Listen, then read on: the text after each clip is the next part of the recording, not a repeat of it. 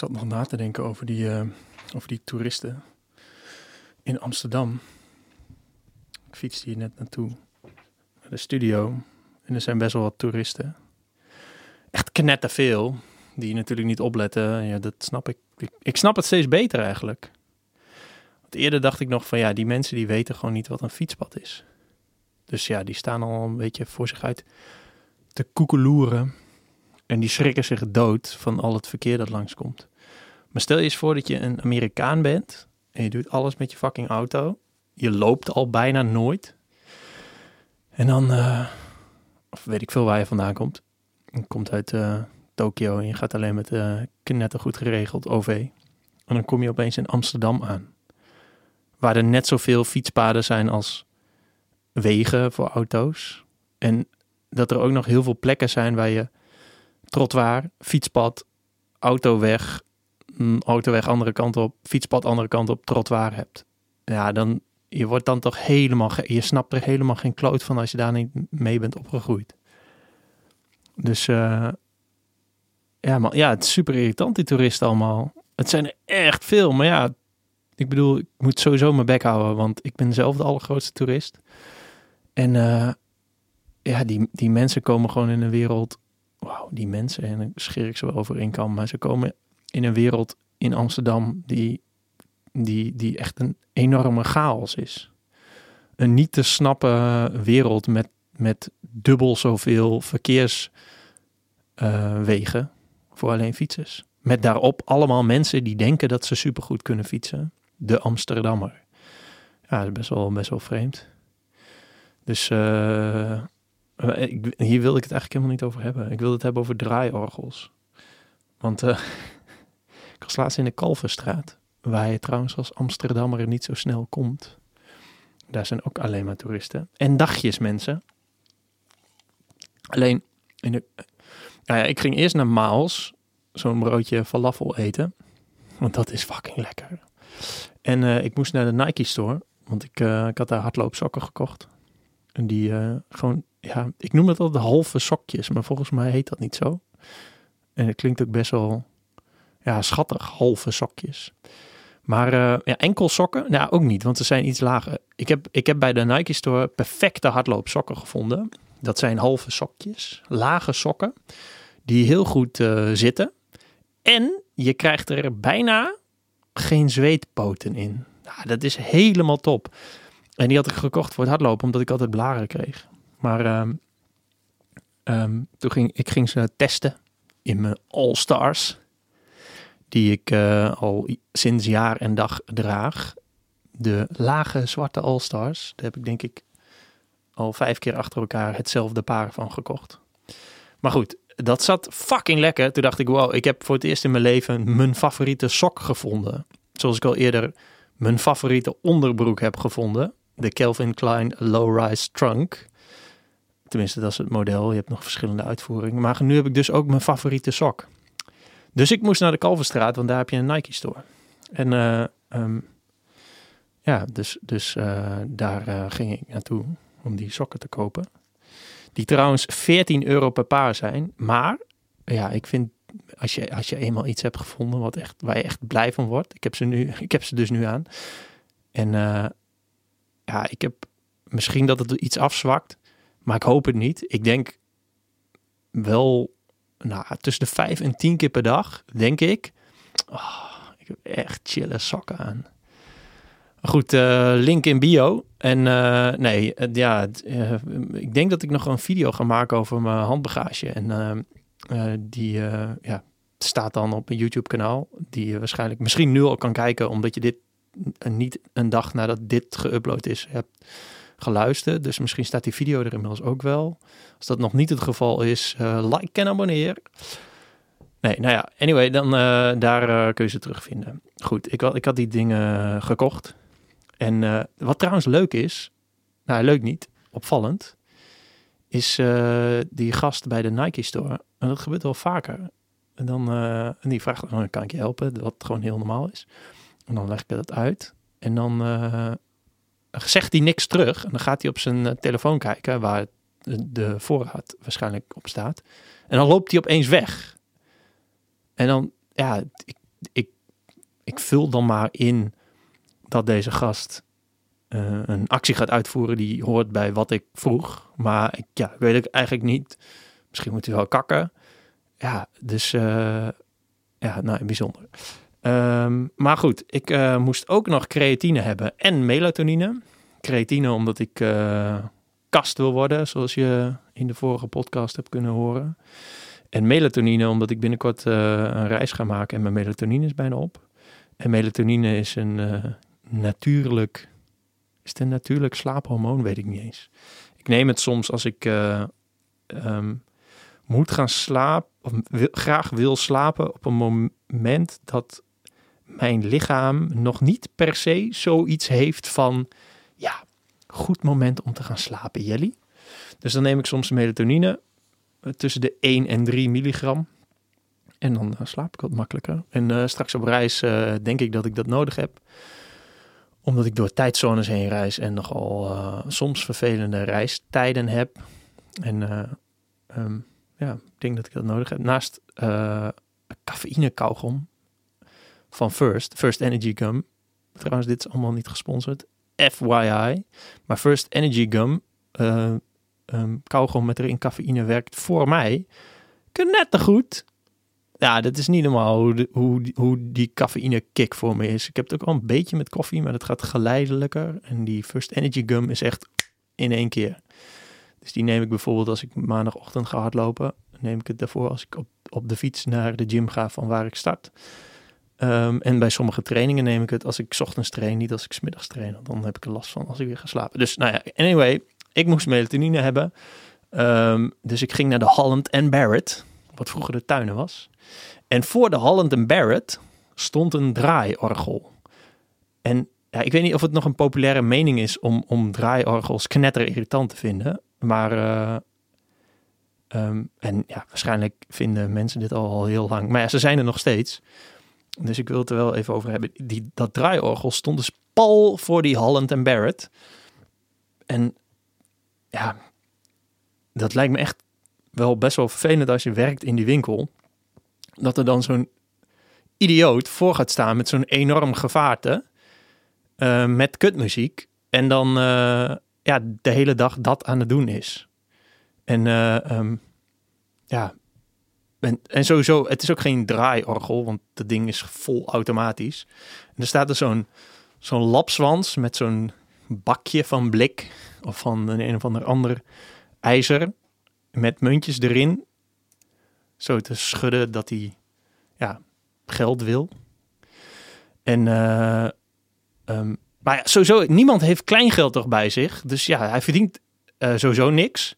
En er staat pal voor die winkel irritant te doen. En hij heeft gewoon op een knop gedrukt dat er muziek uitkomt. En het is keiharde kutmuziek. Dus ja, ja ik weet niet of, of er nog mensen, of we nu uh, uh, draaiorganisten, draaiorganisten uh, luisteren naar deze podcast. ik denk trouwens niet dat draaiorganisten podcast luisteren. Die luisteren natuurlijk Shopify playlist met alleen maar orgelmuziek. Um, maar ja, vertel gewoon vooral waarom je deze fucking idioterie doet. En ja, ik kan, ik kan me één ding voorstellen, is dat mensen dat gezellig vinden of dat het hoort bij de cultuur of dat doen wij altijd zo. Maar ja, dat doen, dat doen wij altijd al zo. Sowieso een kut argument. Dat, eh, hoe heet dat ook weer? Argumentum ad anti, antiquitatum. Beroep op oudheid. Want dat doen wij altijd al zo, dus dat moeten we blijven doen. Dat slaat natuurlijk nergens op. Net zoals dit is nieuw, dus dat moeten we gaan doen. Dat is eigenlijk het tegenovergestelde.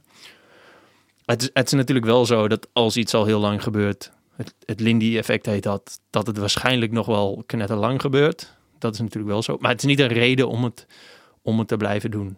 Dus ja, ik, ik vraag me echt af um, waarom die uh, maloten dat nog steeds doen. Wat trouwens, uh, ik heb gewerkt aan mijn bruggetjes. Ah, kut, nu heb ik mijn bruggetje weer verkloot. Wat trouwens ook al heel lang zo is, al heel lang bestaat. Zijn uh, servicekosten. En ja, ik ging uh, laatst, ik wilde tickets kopen voor een muziekfestival. Dat heet Appelsap hier in Amsterdam. Dat is op ja, komende zaterdag. Ik weet niet welke datum dat is. En het is ook een beetje afhankelijk van wanneer je dit luistert. Is misschien al geweest. Maar goed, um, ja, dan kun je gewoon online een kaart verkopen. En dan moet je servicekosten betalen voor 1,75 per kaart. Alleen, ik, ik begrijp gewoon niet waar, wat, waar, waarom dat bestaat. Waarom, dan staat er, dit kaartje kost, volgens mij kost het kaartje 44,50. En uh, wat trouwens wel grappig is, want ik, ik ga ieder jaar en ja, je krijgt die tickets natuurlijk gewoon in je, in je e-mail. Zoals je zoekt op appelsap ticket. Ik ging voor de grap, ging ik, uh, nou niet voor de grap, voor deze podcast, wat een hele serieuze aangelegenheid is, ging ik checken um, wat de prijs uh, de afgelopen jaren was. En volgens mij was het vorig jaar duurder, maar dit jaar daarvoor, het, het is dus nu 44 nog wat, vorig jaar 49 volgens mij, daarvoor 44, daarvoor 40, daarvoor 35. En het was ook ooit een keer 25, vijf jaar geleden of zo. Maar het is best wel bizar dat prijzen niet, niet 2 of 3 procent per jaar stijgen. Zoals inflatie, gemiddelde inflatie. Ik weet niet eens wat inflatiepercentage is per jaar. Maar goed, echt, maar gewoon um, ja, meer dan 10 procent soms. En uh, ja, dat is best wel, uh, best wel bijzonder. En, en, maar ja, goed, je moet de servicekosten betalen. En uh, ik ging het googelen waarom, waarom servicekosten, waarom die er zijn. Wat sowieso een, een, dikke tip is, aangezien ik heel vaak, vaak dingen in mijn DM krijg. Als je iets niet weet, kun je het gewoon op Google proberen op te zoeken. Dus waarom zijn er servicekosten of waarom bestaan servicekosten? Wat zit er in servicekosten? En uh, de uitleg daarvan was dat, dat tickets voor dit festival, voor veel festivals of concerten via verschillende aanbieders worden verkocht. Um, dus of bijvoorbeeld bij de Primera, dat je naar een winkel gaat en met een mens gaat praten om iets te kopen. Sowieso natuurlijk, ja, het is 2018, dat doe je natuurlijk niet meer. Maar goed, dan, dan heb je kennelijk volgens mij die servicekosten weer niet. Of zijn ze anders of mogen ze dat zelf bepalen? En Paylogic is dan een partij die, die festivaltickets verkoopt en die rekenen servicekosten. En die, die komen er dan bij en dan uh, wordt je ticket iets duurder dus. Of het bedrag wat je af moet rekenen uh, wordt duurder. En dan als je dan besluit om met Ideal te betalen, moet je nog 48 cent voor de betaling uh, betalen. Dus je moet betalen om te betalen. Wat natuurlijk fucking dom is. Want ja, het, je kunt ook niet Zeg maar, het is niet een gratis optie. Het kost allemaal geld. Creditcard kost bijvoorbeeld 4 euro. En ja, Ideal, uh, ja, of 48 of 68 of zo. Maar het is de uitleg, ik snap de uitleg dat er verschillende aanbieders zijn die ja, ook geld moeten verdienen en een percentage moeten krijgen. Maar je kunt dat ook in de, in de prijs doen. Want omdat er, er zitten sowieso dingen in de prijs. Daarom heeft iets een prijs. Omdat het een verzameling is van allemaal dingen en dat krijg je dan. Net zoals ik verkoop mijn boek op mijn eigen website, thuisblijvensduurder.com. Shout-out mezelf. Na 13 minuten is de boekplugder. Um, dat kost mijn hardcover kost 30 euro. Behalve als je de kortingscode podcast gebruikt, dan kost die 20 euro. Maar um, uh, ja, ik, uh, ik heb dit boek gemaakt, dus ik ben een half jaar mee bezig geweest. Allemaal uren ingestoken. En, en um, het is gedrukt, dus ik heb een drukker betaald. Het ligt ergens in een loods opgeslagen, dus ik betaal opslagkosten. Er is iemand, of ja, het zijn meerdere mensen, die als er een bestelling is, um, een boek van een stapel pakken in een envelop douwen en um, er een uh, postzegel uh, bovenop plakken. En dat het dan ja, verstuurd wordt. En vervolgens is er een postbode die uh, dat ding bij jou in de, in de brievenbus duwt. En, ja, en ik heb een betalingsmodule op mijn website. En ik heb een website en webshop software die weer gekoppeld is met het warehouse. Dus ja, ik heb toch ook allemaal kosten. Ik ga toch ook niet zeggen, ja, luister, het boek is uh, eh, 14 euro, maar opslagkosten zijn 38 cent. betaalkosten is 2% van je aanschafprijs. Dan betaal ik nog een stukje webhosting. En dat het er allemaal bij komt. En en ja, dat is, het is veel makkelijker om dat gewoon in die prijs te hebben. En het is sowieso raar om één ding dan weer de los, los ervan te zien. De servicekosten. Ja, ik vind, ik vind dat uh, heel erg vreemd. En ja, mm, ik, ik, heb bijvoorbeeld, ik heb ook mijn boek op bol.com. Nou, en ik bet, uh, bol.com krijgt 4, uh, daar is ook 30 euro. En bol.com krijgt 4 euro bemiddelingskosten, want dat hebben zij zelf bedacht. Maar ja, ik, dat, dan is mijn boek toch ook niet 26 euro als je hem ziet in de shop en je doet hem in je winkelmandje en je wil hem afrekenen. Nee, er komen nog even 4 euro bemiddelingskosten bij. Uh, nou ja, dat, ik, ja, ik, uh, ik, vind het, uh, ik vind het heel raar. Ik vind het trouwens wel heel mooi dat, dat nog steeds allemaal mensen mijn boek kopen. En ik vind het wel een klein beetje vervelend dat ik veel marketing moet doen. Alleen als ik bijvoorbeeld kortingscodes deel, zoals die net, die, die podcast kortingscode of op Instagram doe ik dan Insta. Op Facebook doe ik Facebook. En op Twitter doe ik Twitter. En die zijn allemaal 10 euro korting. Dus uh, kies er vooral eentje die, uh, die je leuk vindt. Um, en ja, ik, ik vind het een beetje irritant aan um, om een soort hele tijd acties te doen. Alleen is wel een, een van de best, beste manieren dat mensen mijn boek gaan kopen. En daarmee ben ik dus nu al bijna een half jaar gewoon schrijvertje. En kan ik mijn uh, rekeningen betalen. En ik, ja, dat vind ik echt eigenlijk um, ja, helemaal fantastisch. Ik vind het echt vet mooi. Dus uh, hoe kwam ik daar ook uit? het ging over mijn boek. Nou ja, dat, dat, dat ja, vind ik helemaal, uh, helemaal top. Want uh, ik, ik was vroeger was ik influencertje. En nou, ik was, ik, ik weet niet of mensen weten hoe influencer marketing ongeveer werkt. Ik heb dat drie jaar, officieel ben ik het nog steeds. Ik heb dat ongeveer een jaar of drie gedaan. Weet je, hoe het werkt is dit. Er zijn heel veel mensen online die uh, allemaal andere mensen bereiken. Dus die uh, veel, of, of nou ja, een aanzienlijke hoeveelheid volgers hebben. En dat als ze iets zeggen, dat heel veel mensen dat zien. Dus ze hebben een soort van hele mooie zichtlocatie.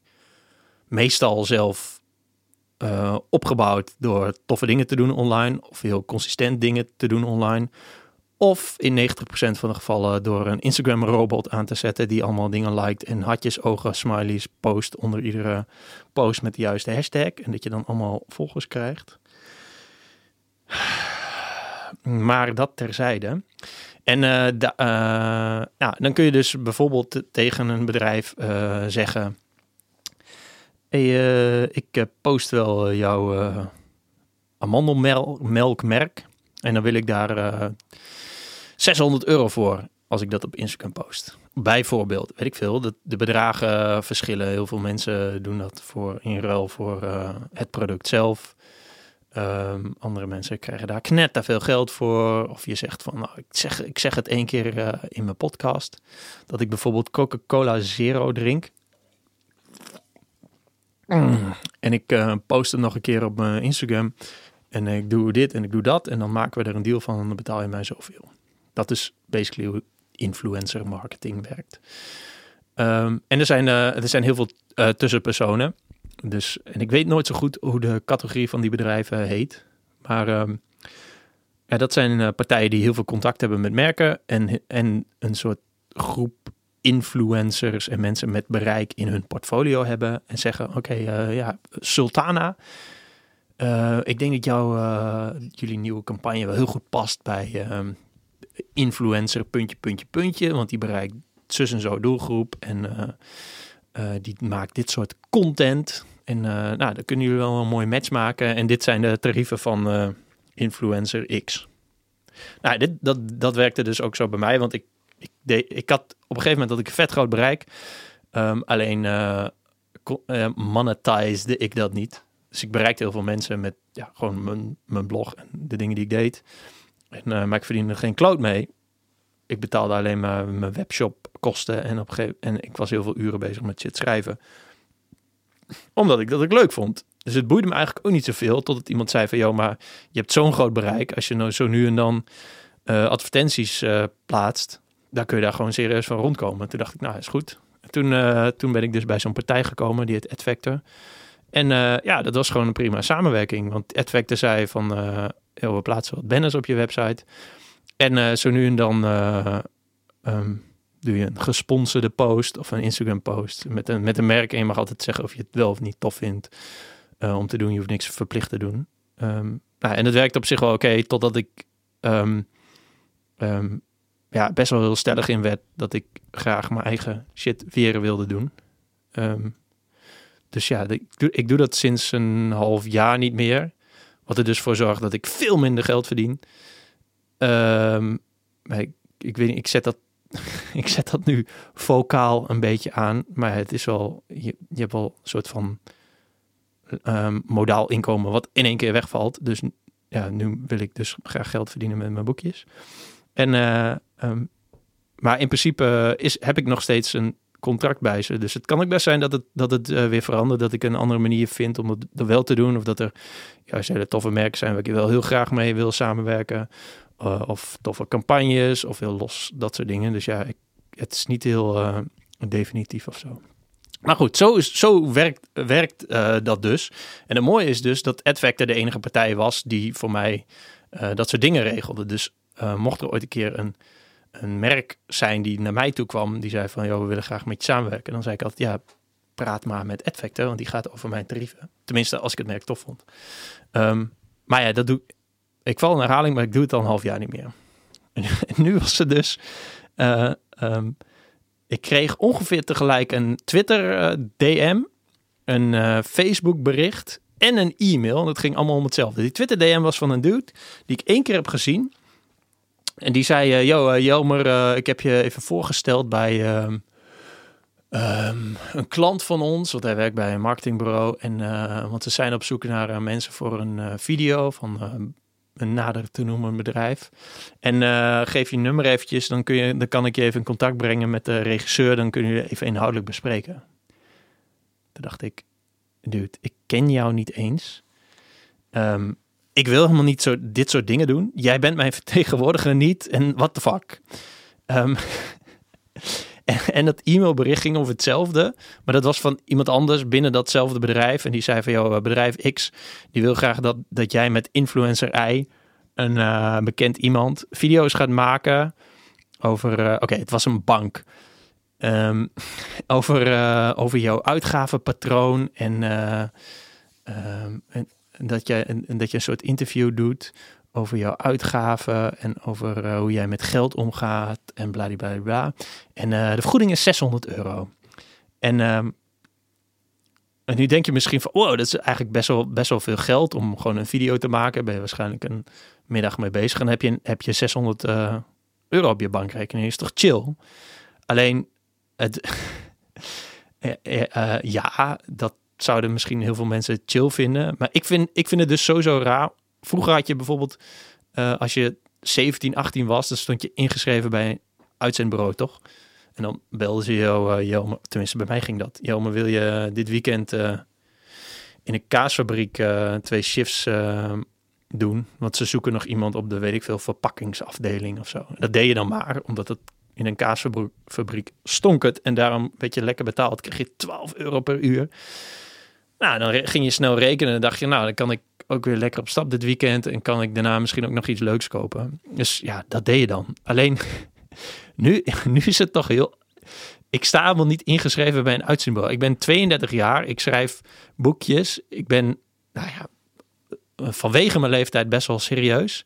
En dan gaat opeens iemand zeggen tegen mij: Yo, uh, uh, wil je dan en dan? Het was ook best een specifieke datum, over een week of zo wil je dan en dan uh, dit en dit doen en uh, voor deze vergoeding? Ja, gewoon zo, rot lekker op. Nee, natuurlijk niet wil ik dit niet. Ik ga, jou toch ook niet bellen van, uh, jou volgende week, volgende week, ja, in Haarlem moeten even twee treinen worden schoongemaakt. En um, um, ja, de vergoeding is 150 euro per trein. maar ik geef je nummer eventjes.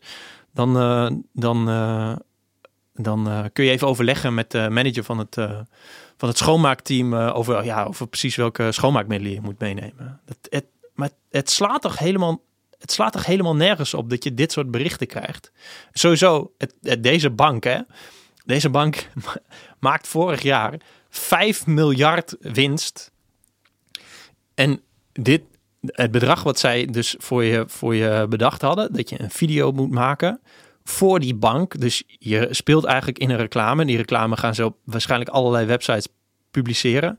Is 600 euro. Dat is echt te schofterig voor woorden voor, um, jou associëren met een knettergroot merk en heel vaak publiceren op allerlei uh, plekken. Dus uh, fuck you partij X, fuck you merk X en fuck you influencer Y. Um, ja, ik krijg lekker de tyfus. Ik weet niet of dit heel goed overkomt, maar dit, dit is echt een van de meest debiele dingen die ik ooit heb gehoord. Um, ja, want ik, ik, ja, ik, wil, ik wil helemaal niet. ik, ik wil helemaal niet dat iemand zegt: Yo, wil je dit werk doen en hier krijg je zoveel geld voor. Dat is echt heel raar. Het, ga, ga maar eens na dat, dat, jij nu, uh, dat jij nu een mail krijgt. Ik weet niet wat voor werk je doet, maar dat jij een mail krijgt. Dat iemand tegen je zegt: Yo, ik heb je voorgesteld om echt heel iets anders te doen. En uh, dit is het bedrag. En, en jij vindt het bedrag echt. Oké, stel je bent, uh, jij bent leraar basisonderwijs. En uh, je krijgt een mail. yo, ik heb je even voorgesteld bij een oom van me. Die heeft twee paden. En die, die, die onderkant, ja, omdat het nogal modderig de laatste tijd was, die onderkant, die buik moet even schoongemaakt worden. En er is niet zoveel werk hoor, maar de vergoeding is 30 euro. Maar laat me even weten. Dat is toch raar? Sowieso vind ik werk of dingen doen, werk doen die je niet leuk vindt, dat je niet leuk vindt. Ja, ik denk daar veel over na, man. Ik, ik hoorde laatst in de, de podcast van Guy dat hij, had hij het over hard werken. En, uh, en mensen vinden dat een groot goed, hè, hard werken. Ik vind sowieso hard werken echt voor idioten. Je bent toch niet op de wereld om hard te werken?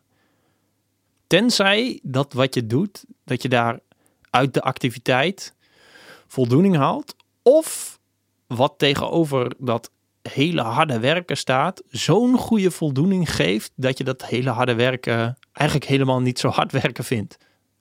Begrijp je wat ik bedoel? Ik vind hard, hard werken is echt voor idioten.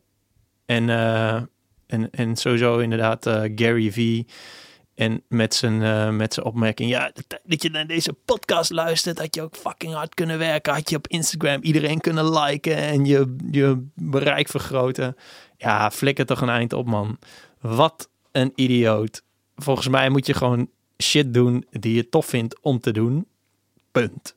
En ja, als, als, als, um, als alleen het gevoel, het is over of, uh, oh chill, dat ik hier uh, wat geld voor krijg, zodat ik spullen kan kopen.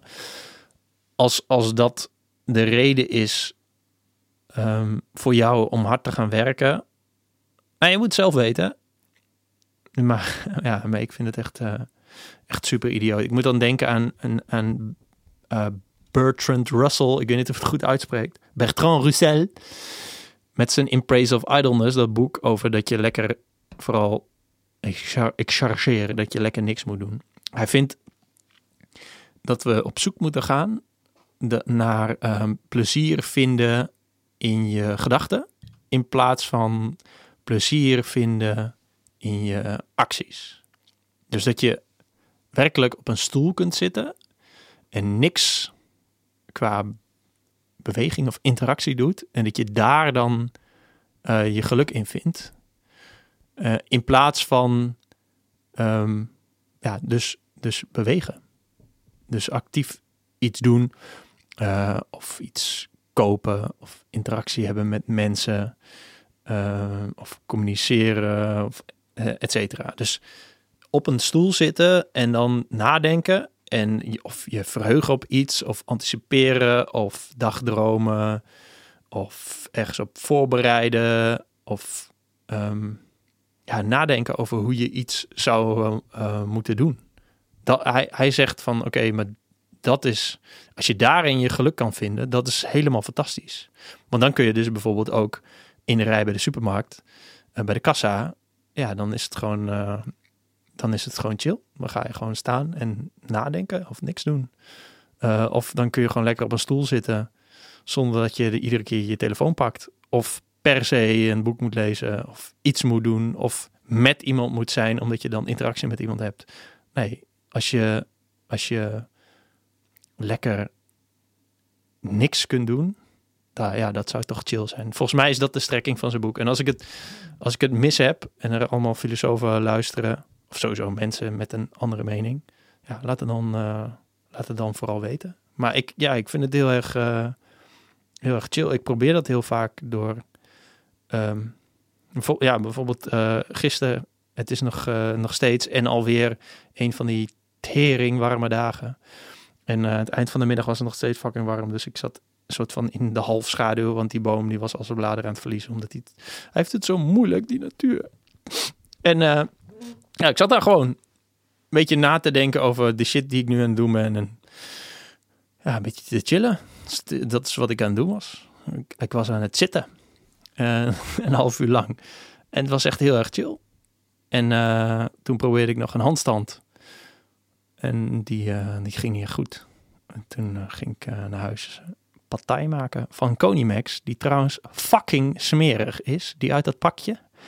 My god, wat een gore rotzooi. ja, het is niet normaal, niet normaal. Um, en op, dat, op dat pakje staat ook dat als je geen partij hebt geproefd, dat je dan niet in Thailand bent geweest. Dus sowieso um, ja, ze proberen een soort van uh, heel erg pretentieus te zijn of zo. Ja, het smaakt dus helemaal niet naar partij. En, um, en ik, ik geef ze, Konimax, ik geef ze echt de, uh, altijd het voordeel van de twijfel. Omdat ik, ik heb warme herinneringen aan Konimax. Een van de eerste grote mensenboeken wat ik las was een, een receptenboek van Konimax. En ik, ja, dat was echt mijn... Konimax is een van mijn um, hoe heet dat? Portalen geweest naar mijn interesse in eten koken. Dus uh, ja, maar die, die in die, het is trouwens ook 2,99 euro.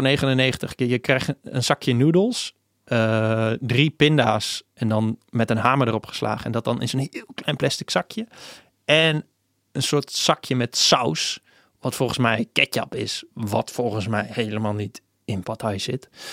En uh, ja, het is echt gore troep en je moet het echt niet kopen. Alleen nu, uh, door dit intermezzo, ben ik mijn uh, bruggetje naar, naar slaap um, wel een beetje kwijtgeraakt. Want ik, ik wilde zeg maar van, van Bertrand Russell, die helemaal geen Fransman is, wilde ik overgaan naar, naar slaap. En de vorige keer had ik het al over, dat ik dat heel chill vind. Dus ik had een artikel geschreven op mijn website. En dat heet Slaapkindje Slaapverdomme. Omdat ja, het was een. Ik had een beetje. Um, ja, een beetje dik aangezet. Omdat het, het, is niet mijn eerste artikel over slaap. En uh, ik vind het echt heel belangrijk dat mensen goed slapen. Daarom. Dus ik werd er een beetje uh, kribbig van. Dus ik, zo had ik het ook opgeschreven. En gepost op Twitter. Uh, over hoe belangrijk dat was. En dan toen, toen reageerde iemand met. Ehm, ja, maar wat als je de hele tijd uit je slaap gehouden wordt? Dus toen reageerde ik met zorgen dat je dat niet meer wordt. Dus eigenlijk een beetje wat ik heel vaak vind, niet, niet symptoom bestrijden, maar kijken wat de kern is van iets en dat, dat dan wegnemen. En toen had ze mij tuk, want ze had mij in de val, het was een soort ambush was het. Toen zei ze, oké, even mijn kinderen in de, in de steek laten. En en uh, ik, word daar heel, ik word er heel erg moe van. Ik word heel erg moe van mensen die, als je iets post, wat een vrij algemeen uh, ding is, met uh, een best wel, kijk maar even gehalte, zo van, ja, oké, dit, is, dit hoe ik het zie. Dit geldt voor veel mensen volgens mij. En uh, sense de toon ook vooral. En, en dat mensen dan zeggen, hé, hey, dit geldt niet voor mij, hè? Ik, heb, ik, ik ben heel erg. Uh, ik heb een hele speciale situatie. Zoals laatst dat ik zei dat de ketogenic diet voor idioten was. Toen zei iemand: Ja, hey, voor, voor, mensen met epilepsie niet. Toen dacht ik: Ja, denk je dat ik, dat ik het over mensen met epilepsie heb? Of dat ik het over het algemeen heb? Dus, en, en ook altijd met goedkope vliegtickets. Dan schrijf, ik schrijf een heel boek erover.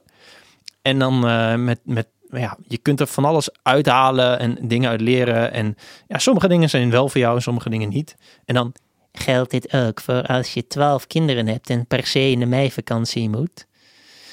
Ja, nee, voor dit hele specifieke geval, ja, waarschijnlijk staan er wel dingen in die kunnen helpen, maar ja, nee, de hele specifieke geval, ja, nee, niet echt. Dus ja, of als iemand, iemand post eh, deze one-legged eh, squat is een hele goede oefening eh, voor, je, voor je quadriceps, voor je bovenbenen. En dan iemand reageert, hé, hey, maar eh, ik heb helemaal geen benen, dus dit geldt niet voor mij. Dus, en, en ja, nou, dat soort dingen. Gewoon, er is altijd wel iemand die, die, waarvoor het niet geldt. Ja, prima, tuurlijk is dat zo. Dat iedereen is hartstikke helemaal speciaal en uniek en zo. Maar die, die reacties, hé, hey, dit geldt niet voor mij. Ja, oké, is goed. Nou ja, die anekdote, dat is, dat is heel logisch allemaal dat het zo is. Want ja, iedereen is, eh, zoals ik zei, iedereen is speciaal. Maar het is ook best wel overbodig ehm, om, om het te zeggen. Dus, dus, zeg, ja, dus wees er gewoon van bewust dat inderdaad heel veel dingen gelden niet voor jou. Dat is ook gewoon prima. Ehm, en, en heel veel dingen zijn, ehm, gaan over een gemiddelde. Ehm, en ja, dat is, ik, ik, vind, ik vind het sowieso interessant om, om wat voor de meeste mensen geldt. Ik vind het heel erg, het is heel makkelijk om shit uit te leggen, denk ik. Van, zo- dit, dit werkt voor de gemiddelde mens, dat, bijvoorbeeld op het gebied van voeding. Yo, eh, de caloriebalans geldt voor iedereen. Ehm, en het gaat erom eh, wat je eet. Ja, eet lekker veel groenten, weinig calorieën, maar wel veel vezels en veel eh, vocht en micronutriënten in zitten. Ehm, eet eh, vlees als je dat wil, eh, als je dat niet wil. Ehm, en, en, en veganistisch eet, zorg dan dat je goede eh, supplementen neemt. En eh, kijk maar eet, even, maar eet, niet te veel. Dat is gewoon in het algemeen. En dan, natuurlijk zijn er dan altijd mensen, ja, maar ik heb een schildklierenprobleem, dus bij mij geldt het anders. Oh oké, is goed. Maar goed, dus wat, wat voor het gemiddelde, wat voor wat gemiddelde mensen, en ik had het er met Max over natuurlijk in, een, in twee podcasts geleden. Wat, wat de gemiddelde mens leuk vindt of belangrijk vindt, is ook wel weer eigenlijk best wel kut. Want ehm, ja, bijvoorbeeld Joma, Joma salades. Ehm, waarom, waarom is dingen in mayo gooien en dan roeren en in een plastic bakje doen? Waarom is dat, sal- is dat salade? Joma heeft nu eh, mango pistache kip salade. Nee, dit is mango pistache kip mayonaise. En sm- smeertroep dingen. Maar goed, ze hebben dus Joma, ik heb het even opgezocht, is eh, dat bedrijf is een eh, ehm, het is trouwens net zoals Conimax, dat heet ook conserven import-export. Daar is het een soort van afkorting van. En Joma is een afkorting van Johan Martin, wat de doopnamen zijn van volgens mij de eigenaar. Volgens mij stond zoiets op Wikipedia. Maar goed, Joma is onderdeel van een investeringsmaatschappij. En een investering ma- even, investeringsmaatschappij, eh, ja, die investeert in dingen waarvan ze denken dat ze meer waard worden, zoals dat gaat met investeren. Ehm, net zoals dat ik de vorige keer zei over planten, daar, moet, daar kun je ook in investeren. En niet in bloemen, want die gaan dood. Die worden niks meer waard. Tenzij je potpourri wil maken trouwens. Maar goed, Joma is onderdeel van een investeringsmaatschappij of gewoon van een bedrijf met aandeelhouders. Net zoals zo'n beetje alle merken. En wat die dus willen is groei eh, en geld verdienen. Dus ja, die maken dus alleen maar eh, dingen die de meeste mensen willen. Dus de meeste mensen, nee, een groot deel van de mensen, nee, wat iedereen eigenlijk wel best vindt, zoiets. Dus ja, wat iedereen wel best vindt, is mayo met kip en mango en pistache. Want kip is lekker, mango is lekker, mayo is lekker, pistache is lekker. Dus als je het door elkaar roert en op een boterham smeert, ja, is waarschijnlijk tunde lekker. Nou, niet tunde lekker. Is waarschijnlijk wel best. en daarom ja, worden dit soort producten gemaakt. Net zoals eh Unilever. Ja, ik vind het prima dat dit, dit soort bedrijven bestaan. Maar dit is wel hoe, hoe ze het doen, zeg maar. Die doen eh, trendonderzoek. Dus wat is hip? En dan gaan ze daar producten van maken. Van maken. Want ja, de, de meeste mensen of sommige mensen of een groeiende groep mensen, dat is al helemaal top, wil puntje, puntje, puntje oké, nou dan gaan wij dus dingen maken die zij dan vervolgens kunnen kopen. Het is niet zo dat, zij, dat ze een familiebedrijf zijn of een of andere, uh, uh, hoe heet dat? Ehm, iemand met een nou, klein beetje een kronkel in zijn hoofd die gewoon iets heel graag zelf iets maakt op een bepaalde manier altijd al. Wat helemaal niet zo heel efficiënt is en wat ook niet iedereen wel best vindt, maar gewoon een heel specifiek aantal mensen. Um, en ja, die ook niet per se heel veel winst hoeft te maken. Nee, dat, natuurlijk doen ze dat niet. Unilever maakt gewoon alleen dingen uh, waar markt voor is. Of um, ja, waar eigenlijk waar een groeiende markt voor is. Um, dus ja, dat is, uh, dus daarom zijn er dus heel veel nieuwe producten die de meeste mensen wel oké vinden. Gewoon, het, gewoon heel gemiddeld ja, het is gewoon een heel gemiddeld assortiment. Het is allemaal wel prima. Trouwens, met Conimax is het wel mooi. Ik ging ook daar de Wikipedia van lezen. En hun missie was gewoon een soort van Oosterse gerechten. Um, ja, omdat er natuurlijk heel veel mensen uit voormalig Nederlands-Indië naar Nederland kwamen. Uh, dus dus uh, die keuken werd geïntroduceerd in Nederland. En toen dacht een bedrijf, hey, maar hier kunnen we geld aan verdienen. Dus laten we dat, volgens mij ging ze nasi in blik maken of zo. Maar wel voor de, voor de tata smaak. Dus ja, waarschijnlijk heel erg afgevlakt. Zodat iedereen die, ja, volgens mij was het een jaar of vijftig geleden. Iedereen toen in Nederland die gewend was aan aardappels, vlees en groenten. Of aardappels en groenten, ik weet niet of toen mensen al zoveel vlees aten. Het wel best vond. Dus zo is Conimax begonnen. Dat is wat zij deden. Gewoon dat het voor iets maken wat iedereen wel best vond. Nou, dat is dus, uh, dat is dus uh, de samenvatting van het kapitalisme, consumerisme. Iets maken wat iedereen wel best vindt.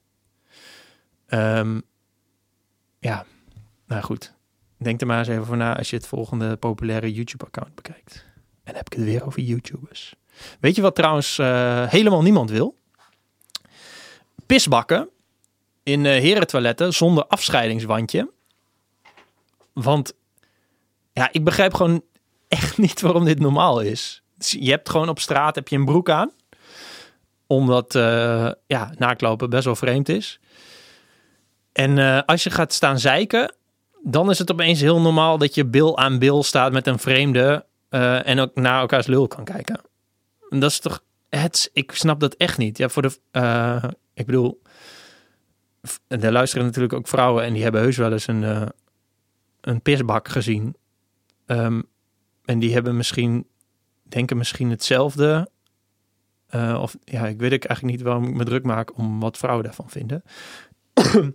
maar ik vind het dus, ik vind het heel vreemd um, om naast, uh, kijk, ik ga het zo hebben over afscheidingswandjes. Maar je hebt dus ook van die ja, het zijn soort troggen waar gewoon naast elkaar gaan staan zeiken. En ja, het spet het ook alle kanten op. Dus je zeikt eigenlijk over iemand heen. Sowieso raar. En um, ja, zoals ik al zei, op straat heb je gewoon een broek aan. Want je gaat niet in je blote lul op straat lopen. Maar wel als je gaat zeiken, best wel een soort van heel... Ja, ik weet niet of het intiem moment is voor jezelf. Maar een kwetsbaar moment ja, je moet echt heel erg ontspannen om te kunnen zeiken. En dan sta je gewoon naast iemand die dat ook doet. Um, ja, dat is best wel vreemd. En je hebt dus, je hebt dus ook pisbakken. Um, zeg maar een soort van eenpersoons pisbakken. Wat iets normaler is, maar nog steeds super debiel. En, en dan ook naast elkaar zonder afscheidingswandje. Nou, dat is ook vreemd. Um, uh, en, en dan heb je ook nog soms een afscheidingswandje. En dat is heel vaak verkeerd geplaatst. Want je moet dat, wandje, wat je eigenlijk wil blokkeren, is de, een, een, rechte lijn tussen oog en lul.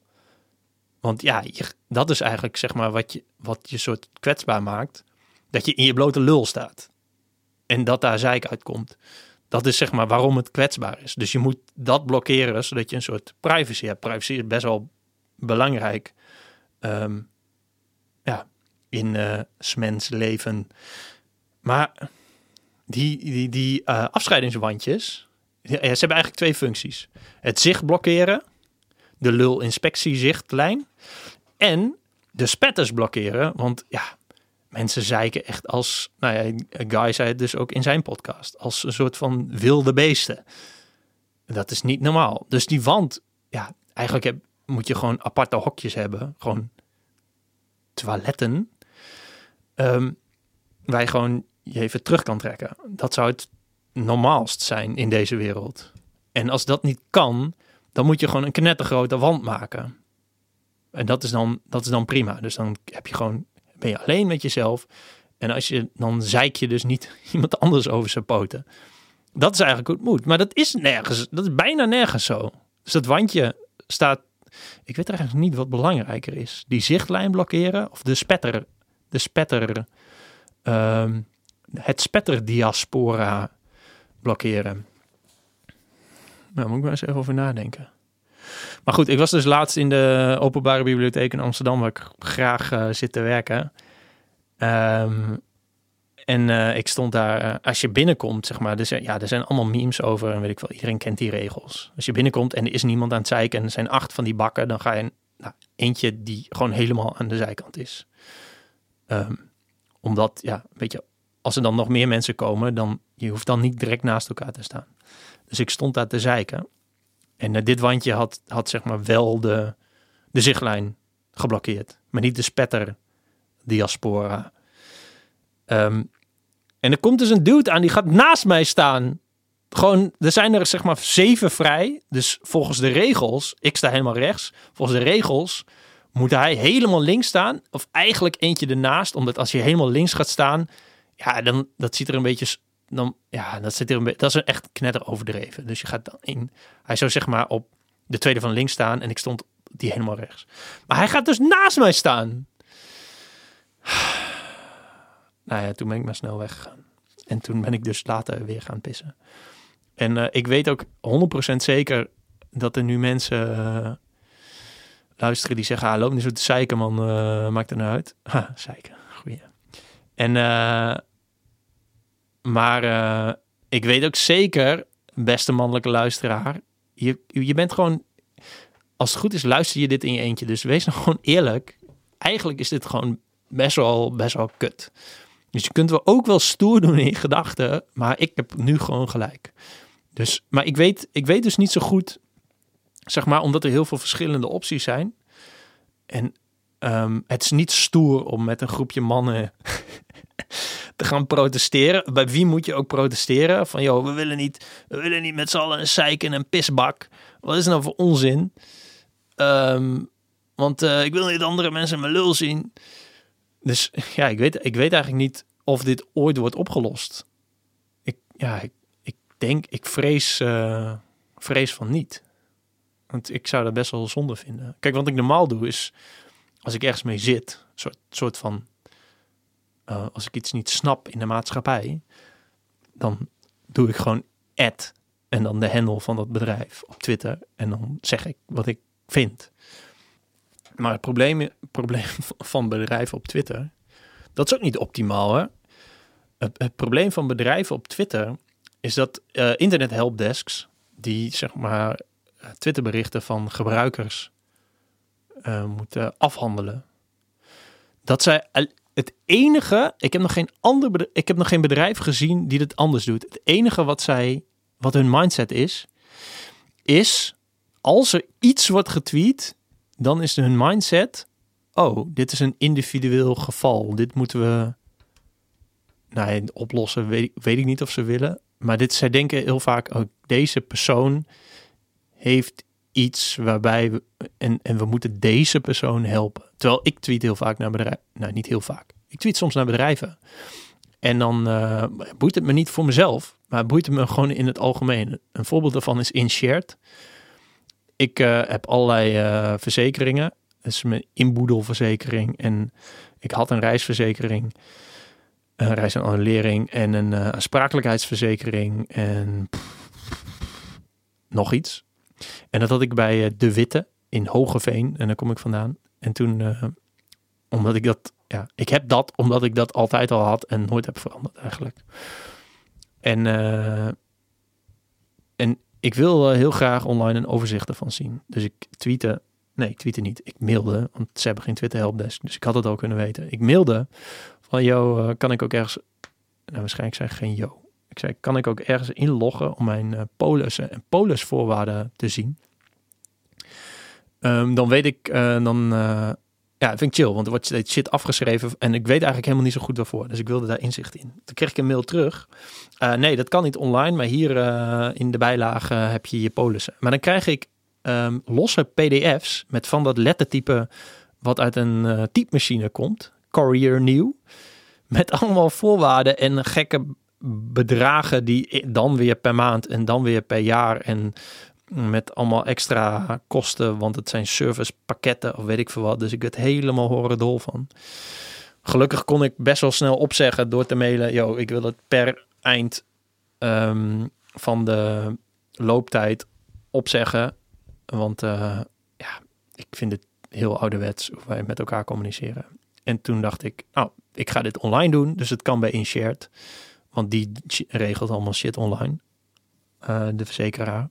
Wat ook gewoon prima kan. Want je kunt online gaan en zeggen, joh, dit wil ik, dit wil ik, dit wil ik. En uh, een account maken, weet ik veel wat. Je, je hebt helemaal niks aan e-mails of pdf's met polisvoorwaarden en weet ik veel wat voor teringzooi. En het was ook nog veel goedkoper voor precies dezelfde voorwaarden. Waarschijnlijk omdat het gewoon lekker online kan. Dus eigenlijk is iedereen veel blijer. Dus in, in Share is helemaal top. Um, maar wat InShare doet, tyfusleiers, is dat zij, dan, dan kun je aanvinken dat je geen nieuwsbrieven wil ontvangen. Wat sowieso, als je dit als bedrijf doet, dan ben je echt een droplul. Dus natuurlijk willen mensen je tyfus nieuwsbrief niet. Um, dus als je dus al moet aanvinken dat je hem niet wil, dan heb je al een bevestiging dat je een kut nieuwsbrief hebt. Dat, niemand, niemand meldt zich vrijwillig aan voor nieuwsbrieven. Uh, van bedrijven dan. Dat slaat nergens op.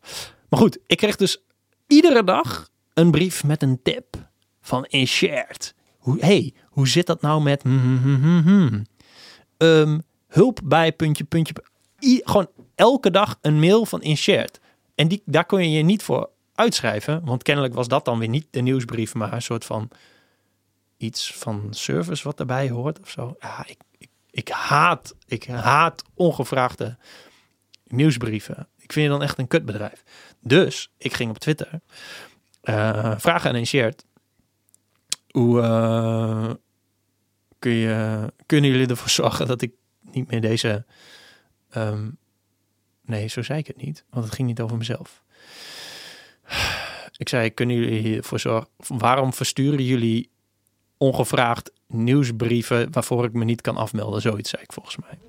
En, dan, dan komt duikt er dan zo'n helpdesk medewerker op die zegt: Hey Jelmer, wat vervelend dat je dit zo ervaart heb je misschien voor mij je klantnummer, achternaam, voornaam, postcode, geboortedatum? Dan kijk ik even mee, dakje JD. Of zoiets. Weet ik veel. Ik moest in ieder geval vier dingen opgeven, zodat ze me konden verifiëren. Um, maar mijn punt was dus, Mogol, stuur geen nieuwsbrieven waarvoor je niet kunt afmelden. Dat is echt fucking irritant. Omdat wat mensen dan doen is, ja, je haten als kutbedrijf, want je bent dan een enorm kutbedrijf. En uh, die nieuwsbrieven markeren als spam. En dan, als er dan wel iets is, dan komen die dingen niet meer in je inbox. Dus ja, het is fucking irritant.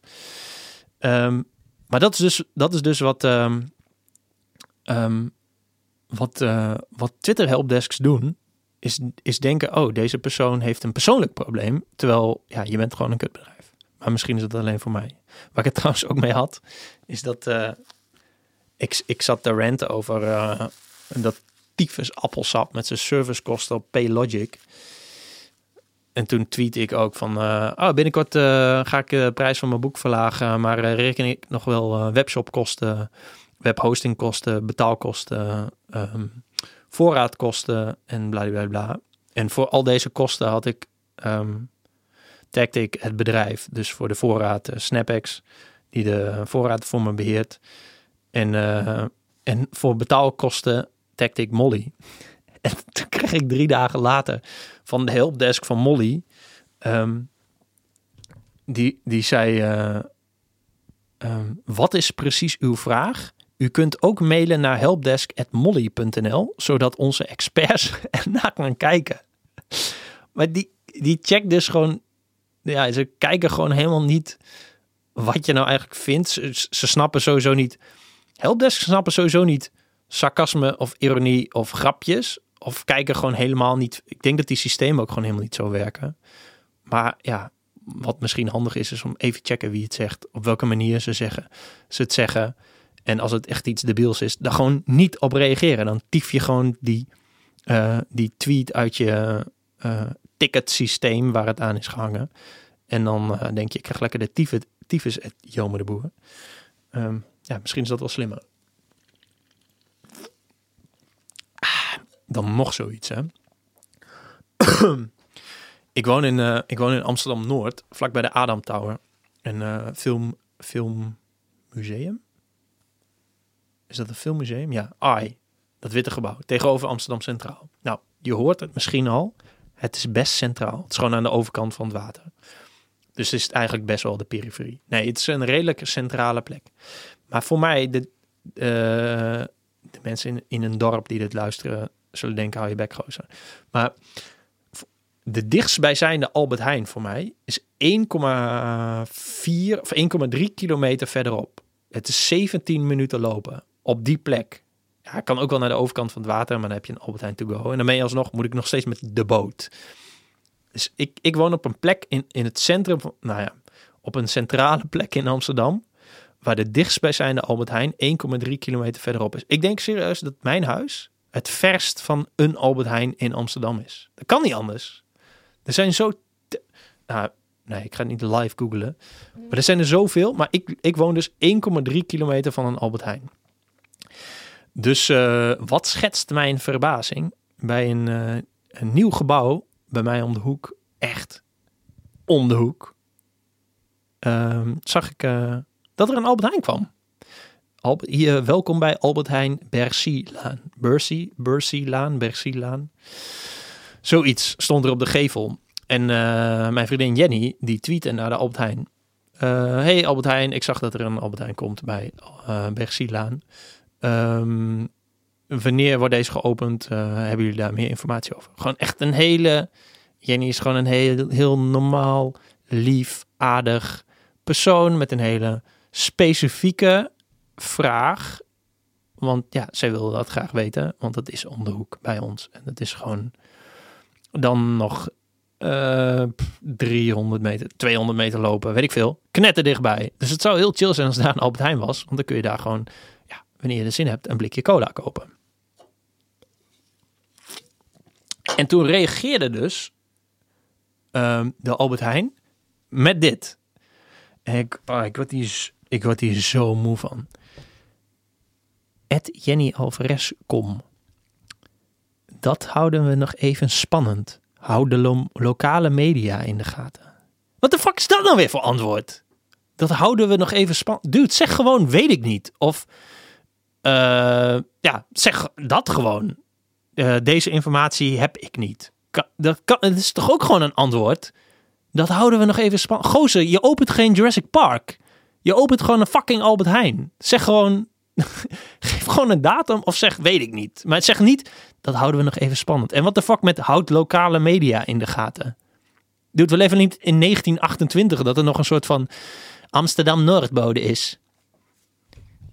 Boerenburgers buitenlui, allen verenigden zij zich aan de voet van de Adamtoren. Daar, aan de Bercielaan, werd een hele gloednieuwe Albert Heijn geopend. De 64ste in Amsterdam. Iedereen was welkom en zeker Jenny Alvarez en Jelmer de Boer. Buren van het eerste uur. Zij waren zeer verguld met het ruime assortiment in deze kruidenier. Dude, dit slaat nergens op. Dus Albert Heijn, fuck you. Um, nee, ik weet ook niet hoe we dit moeten oplossen. Uh, ja, ik nader het uur. Um, ik denk dat ik uh, er een eind aan ga breien. Ik weet helemaal niet of dit 10 punten waren. Ik heb ook helemaal niet gezegd dat ik 10 punten zou bespreken. Als, ja, kijk maar gewoon, je mag ook gewoon um, ja, nog een keer luisteren en dan gewoon dingen turven. En dan kom je waarschijnlijk wel meer dan tien, want ik heb ja, een uur gepraat. Dus ja. Ik weet het ook niet, man. Uh, tot de volgende keer. Doei.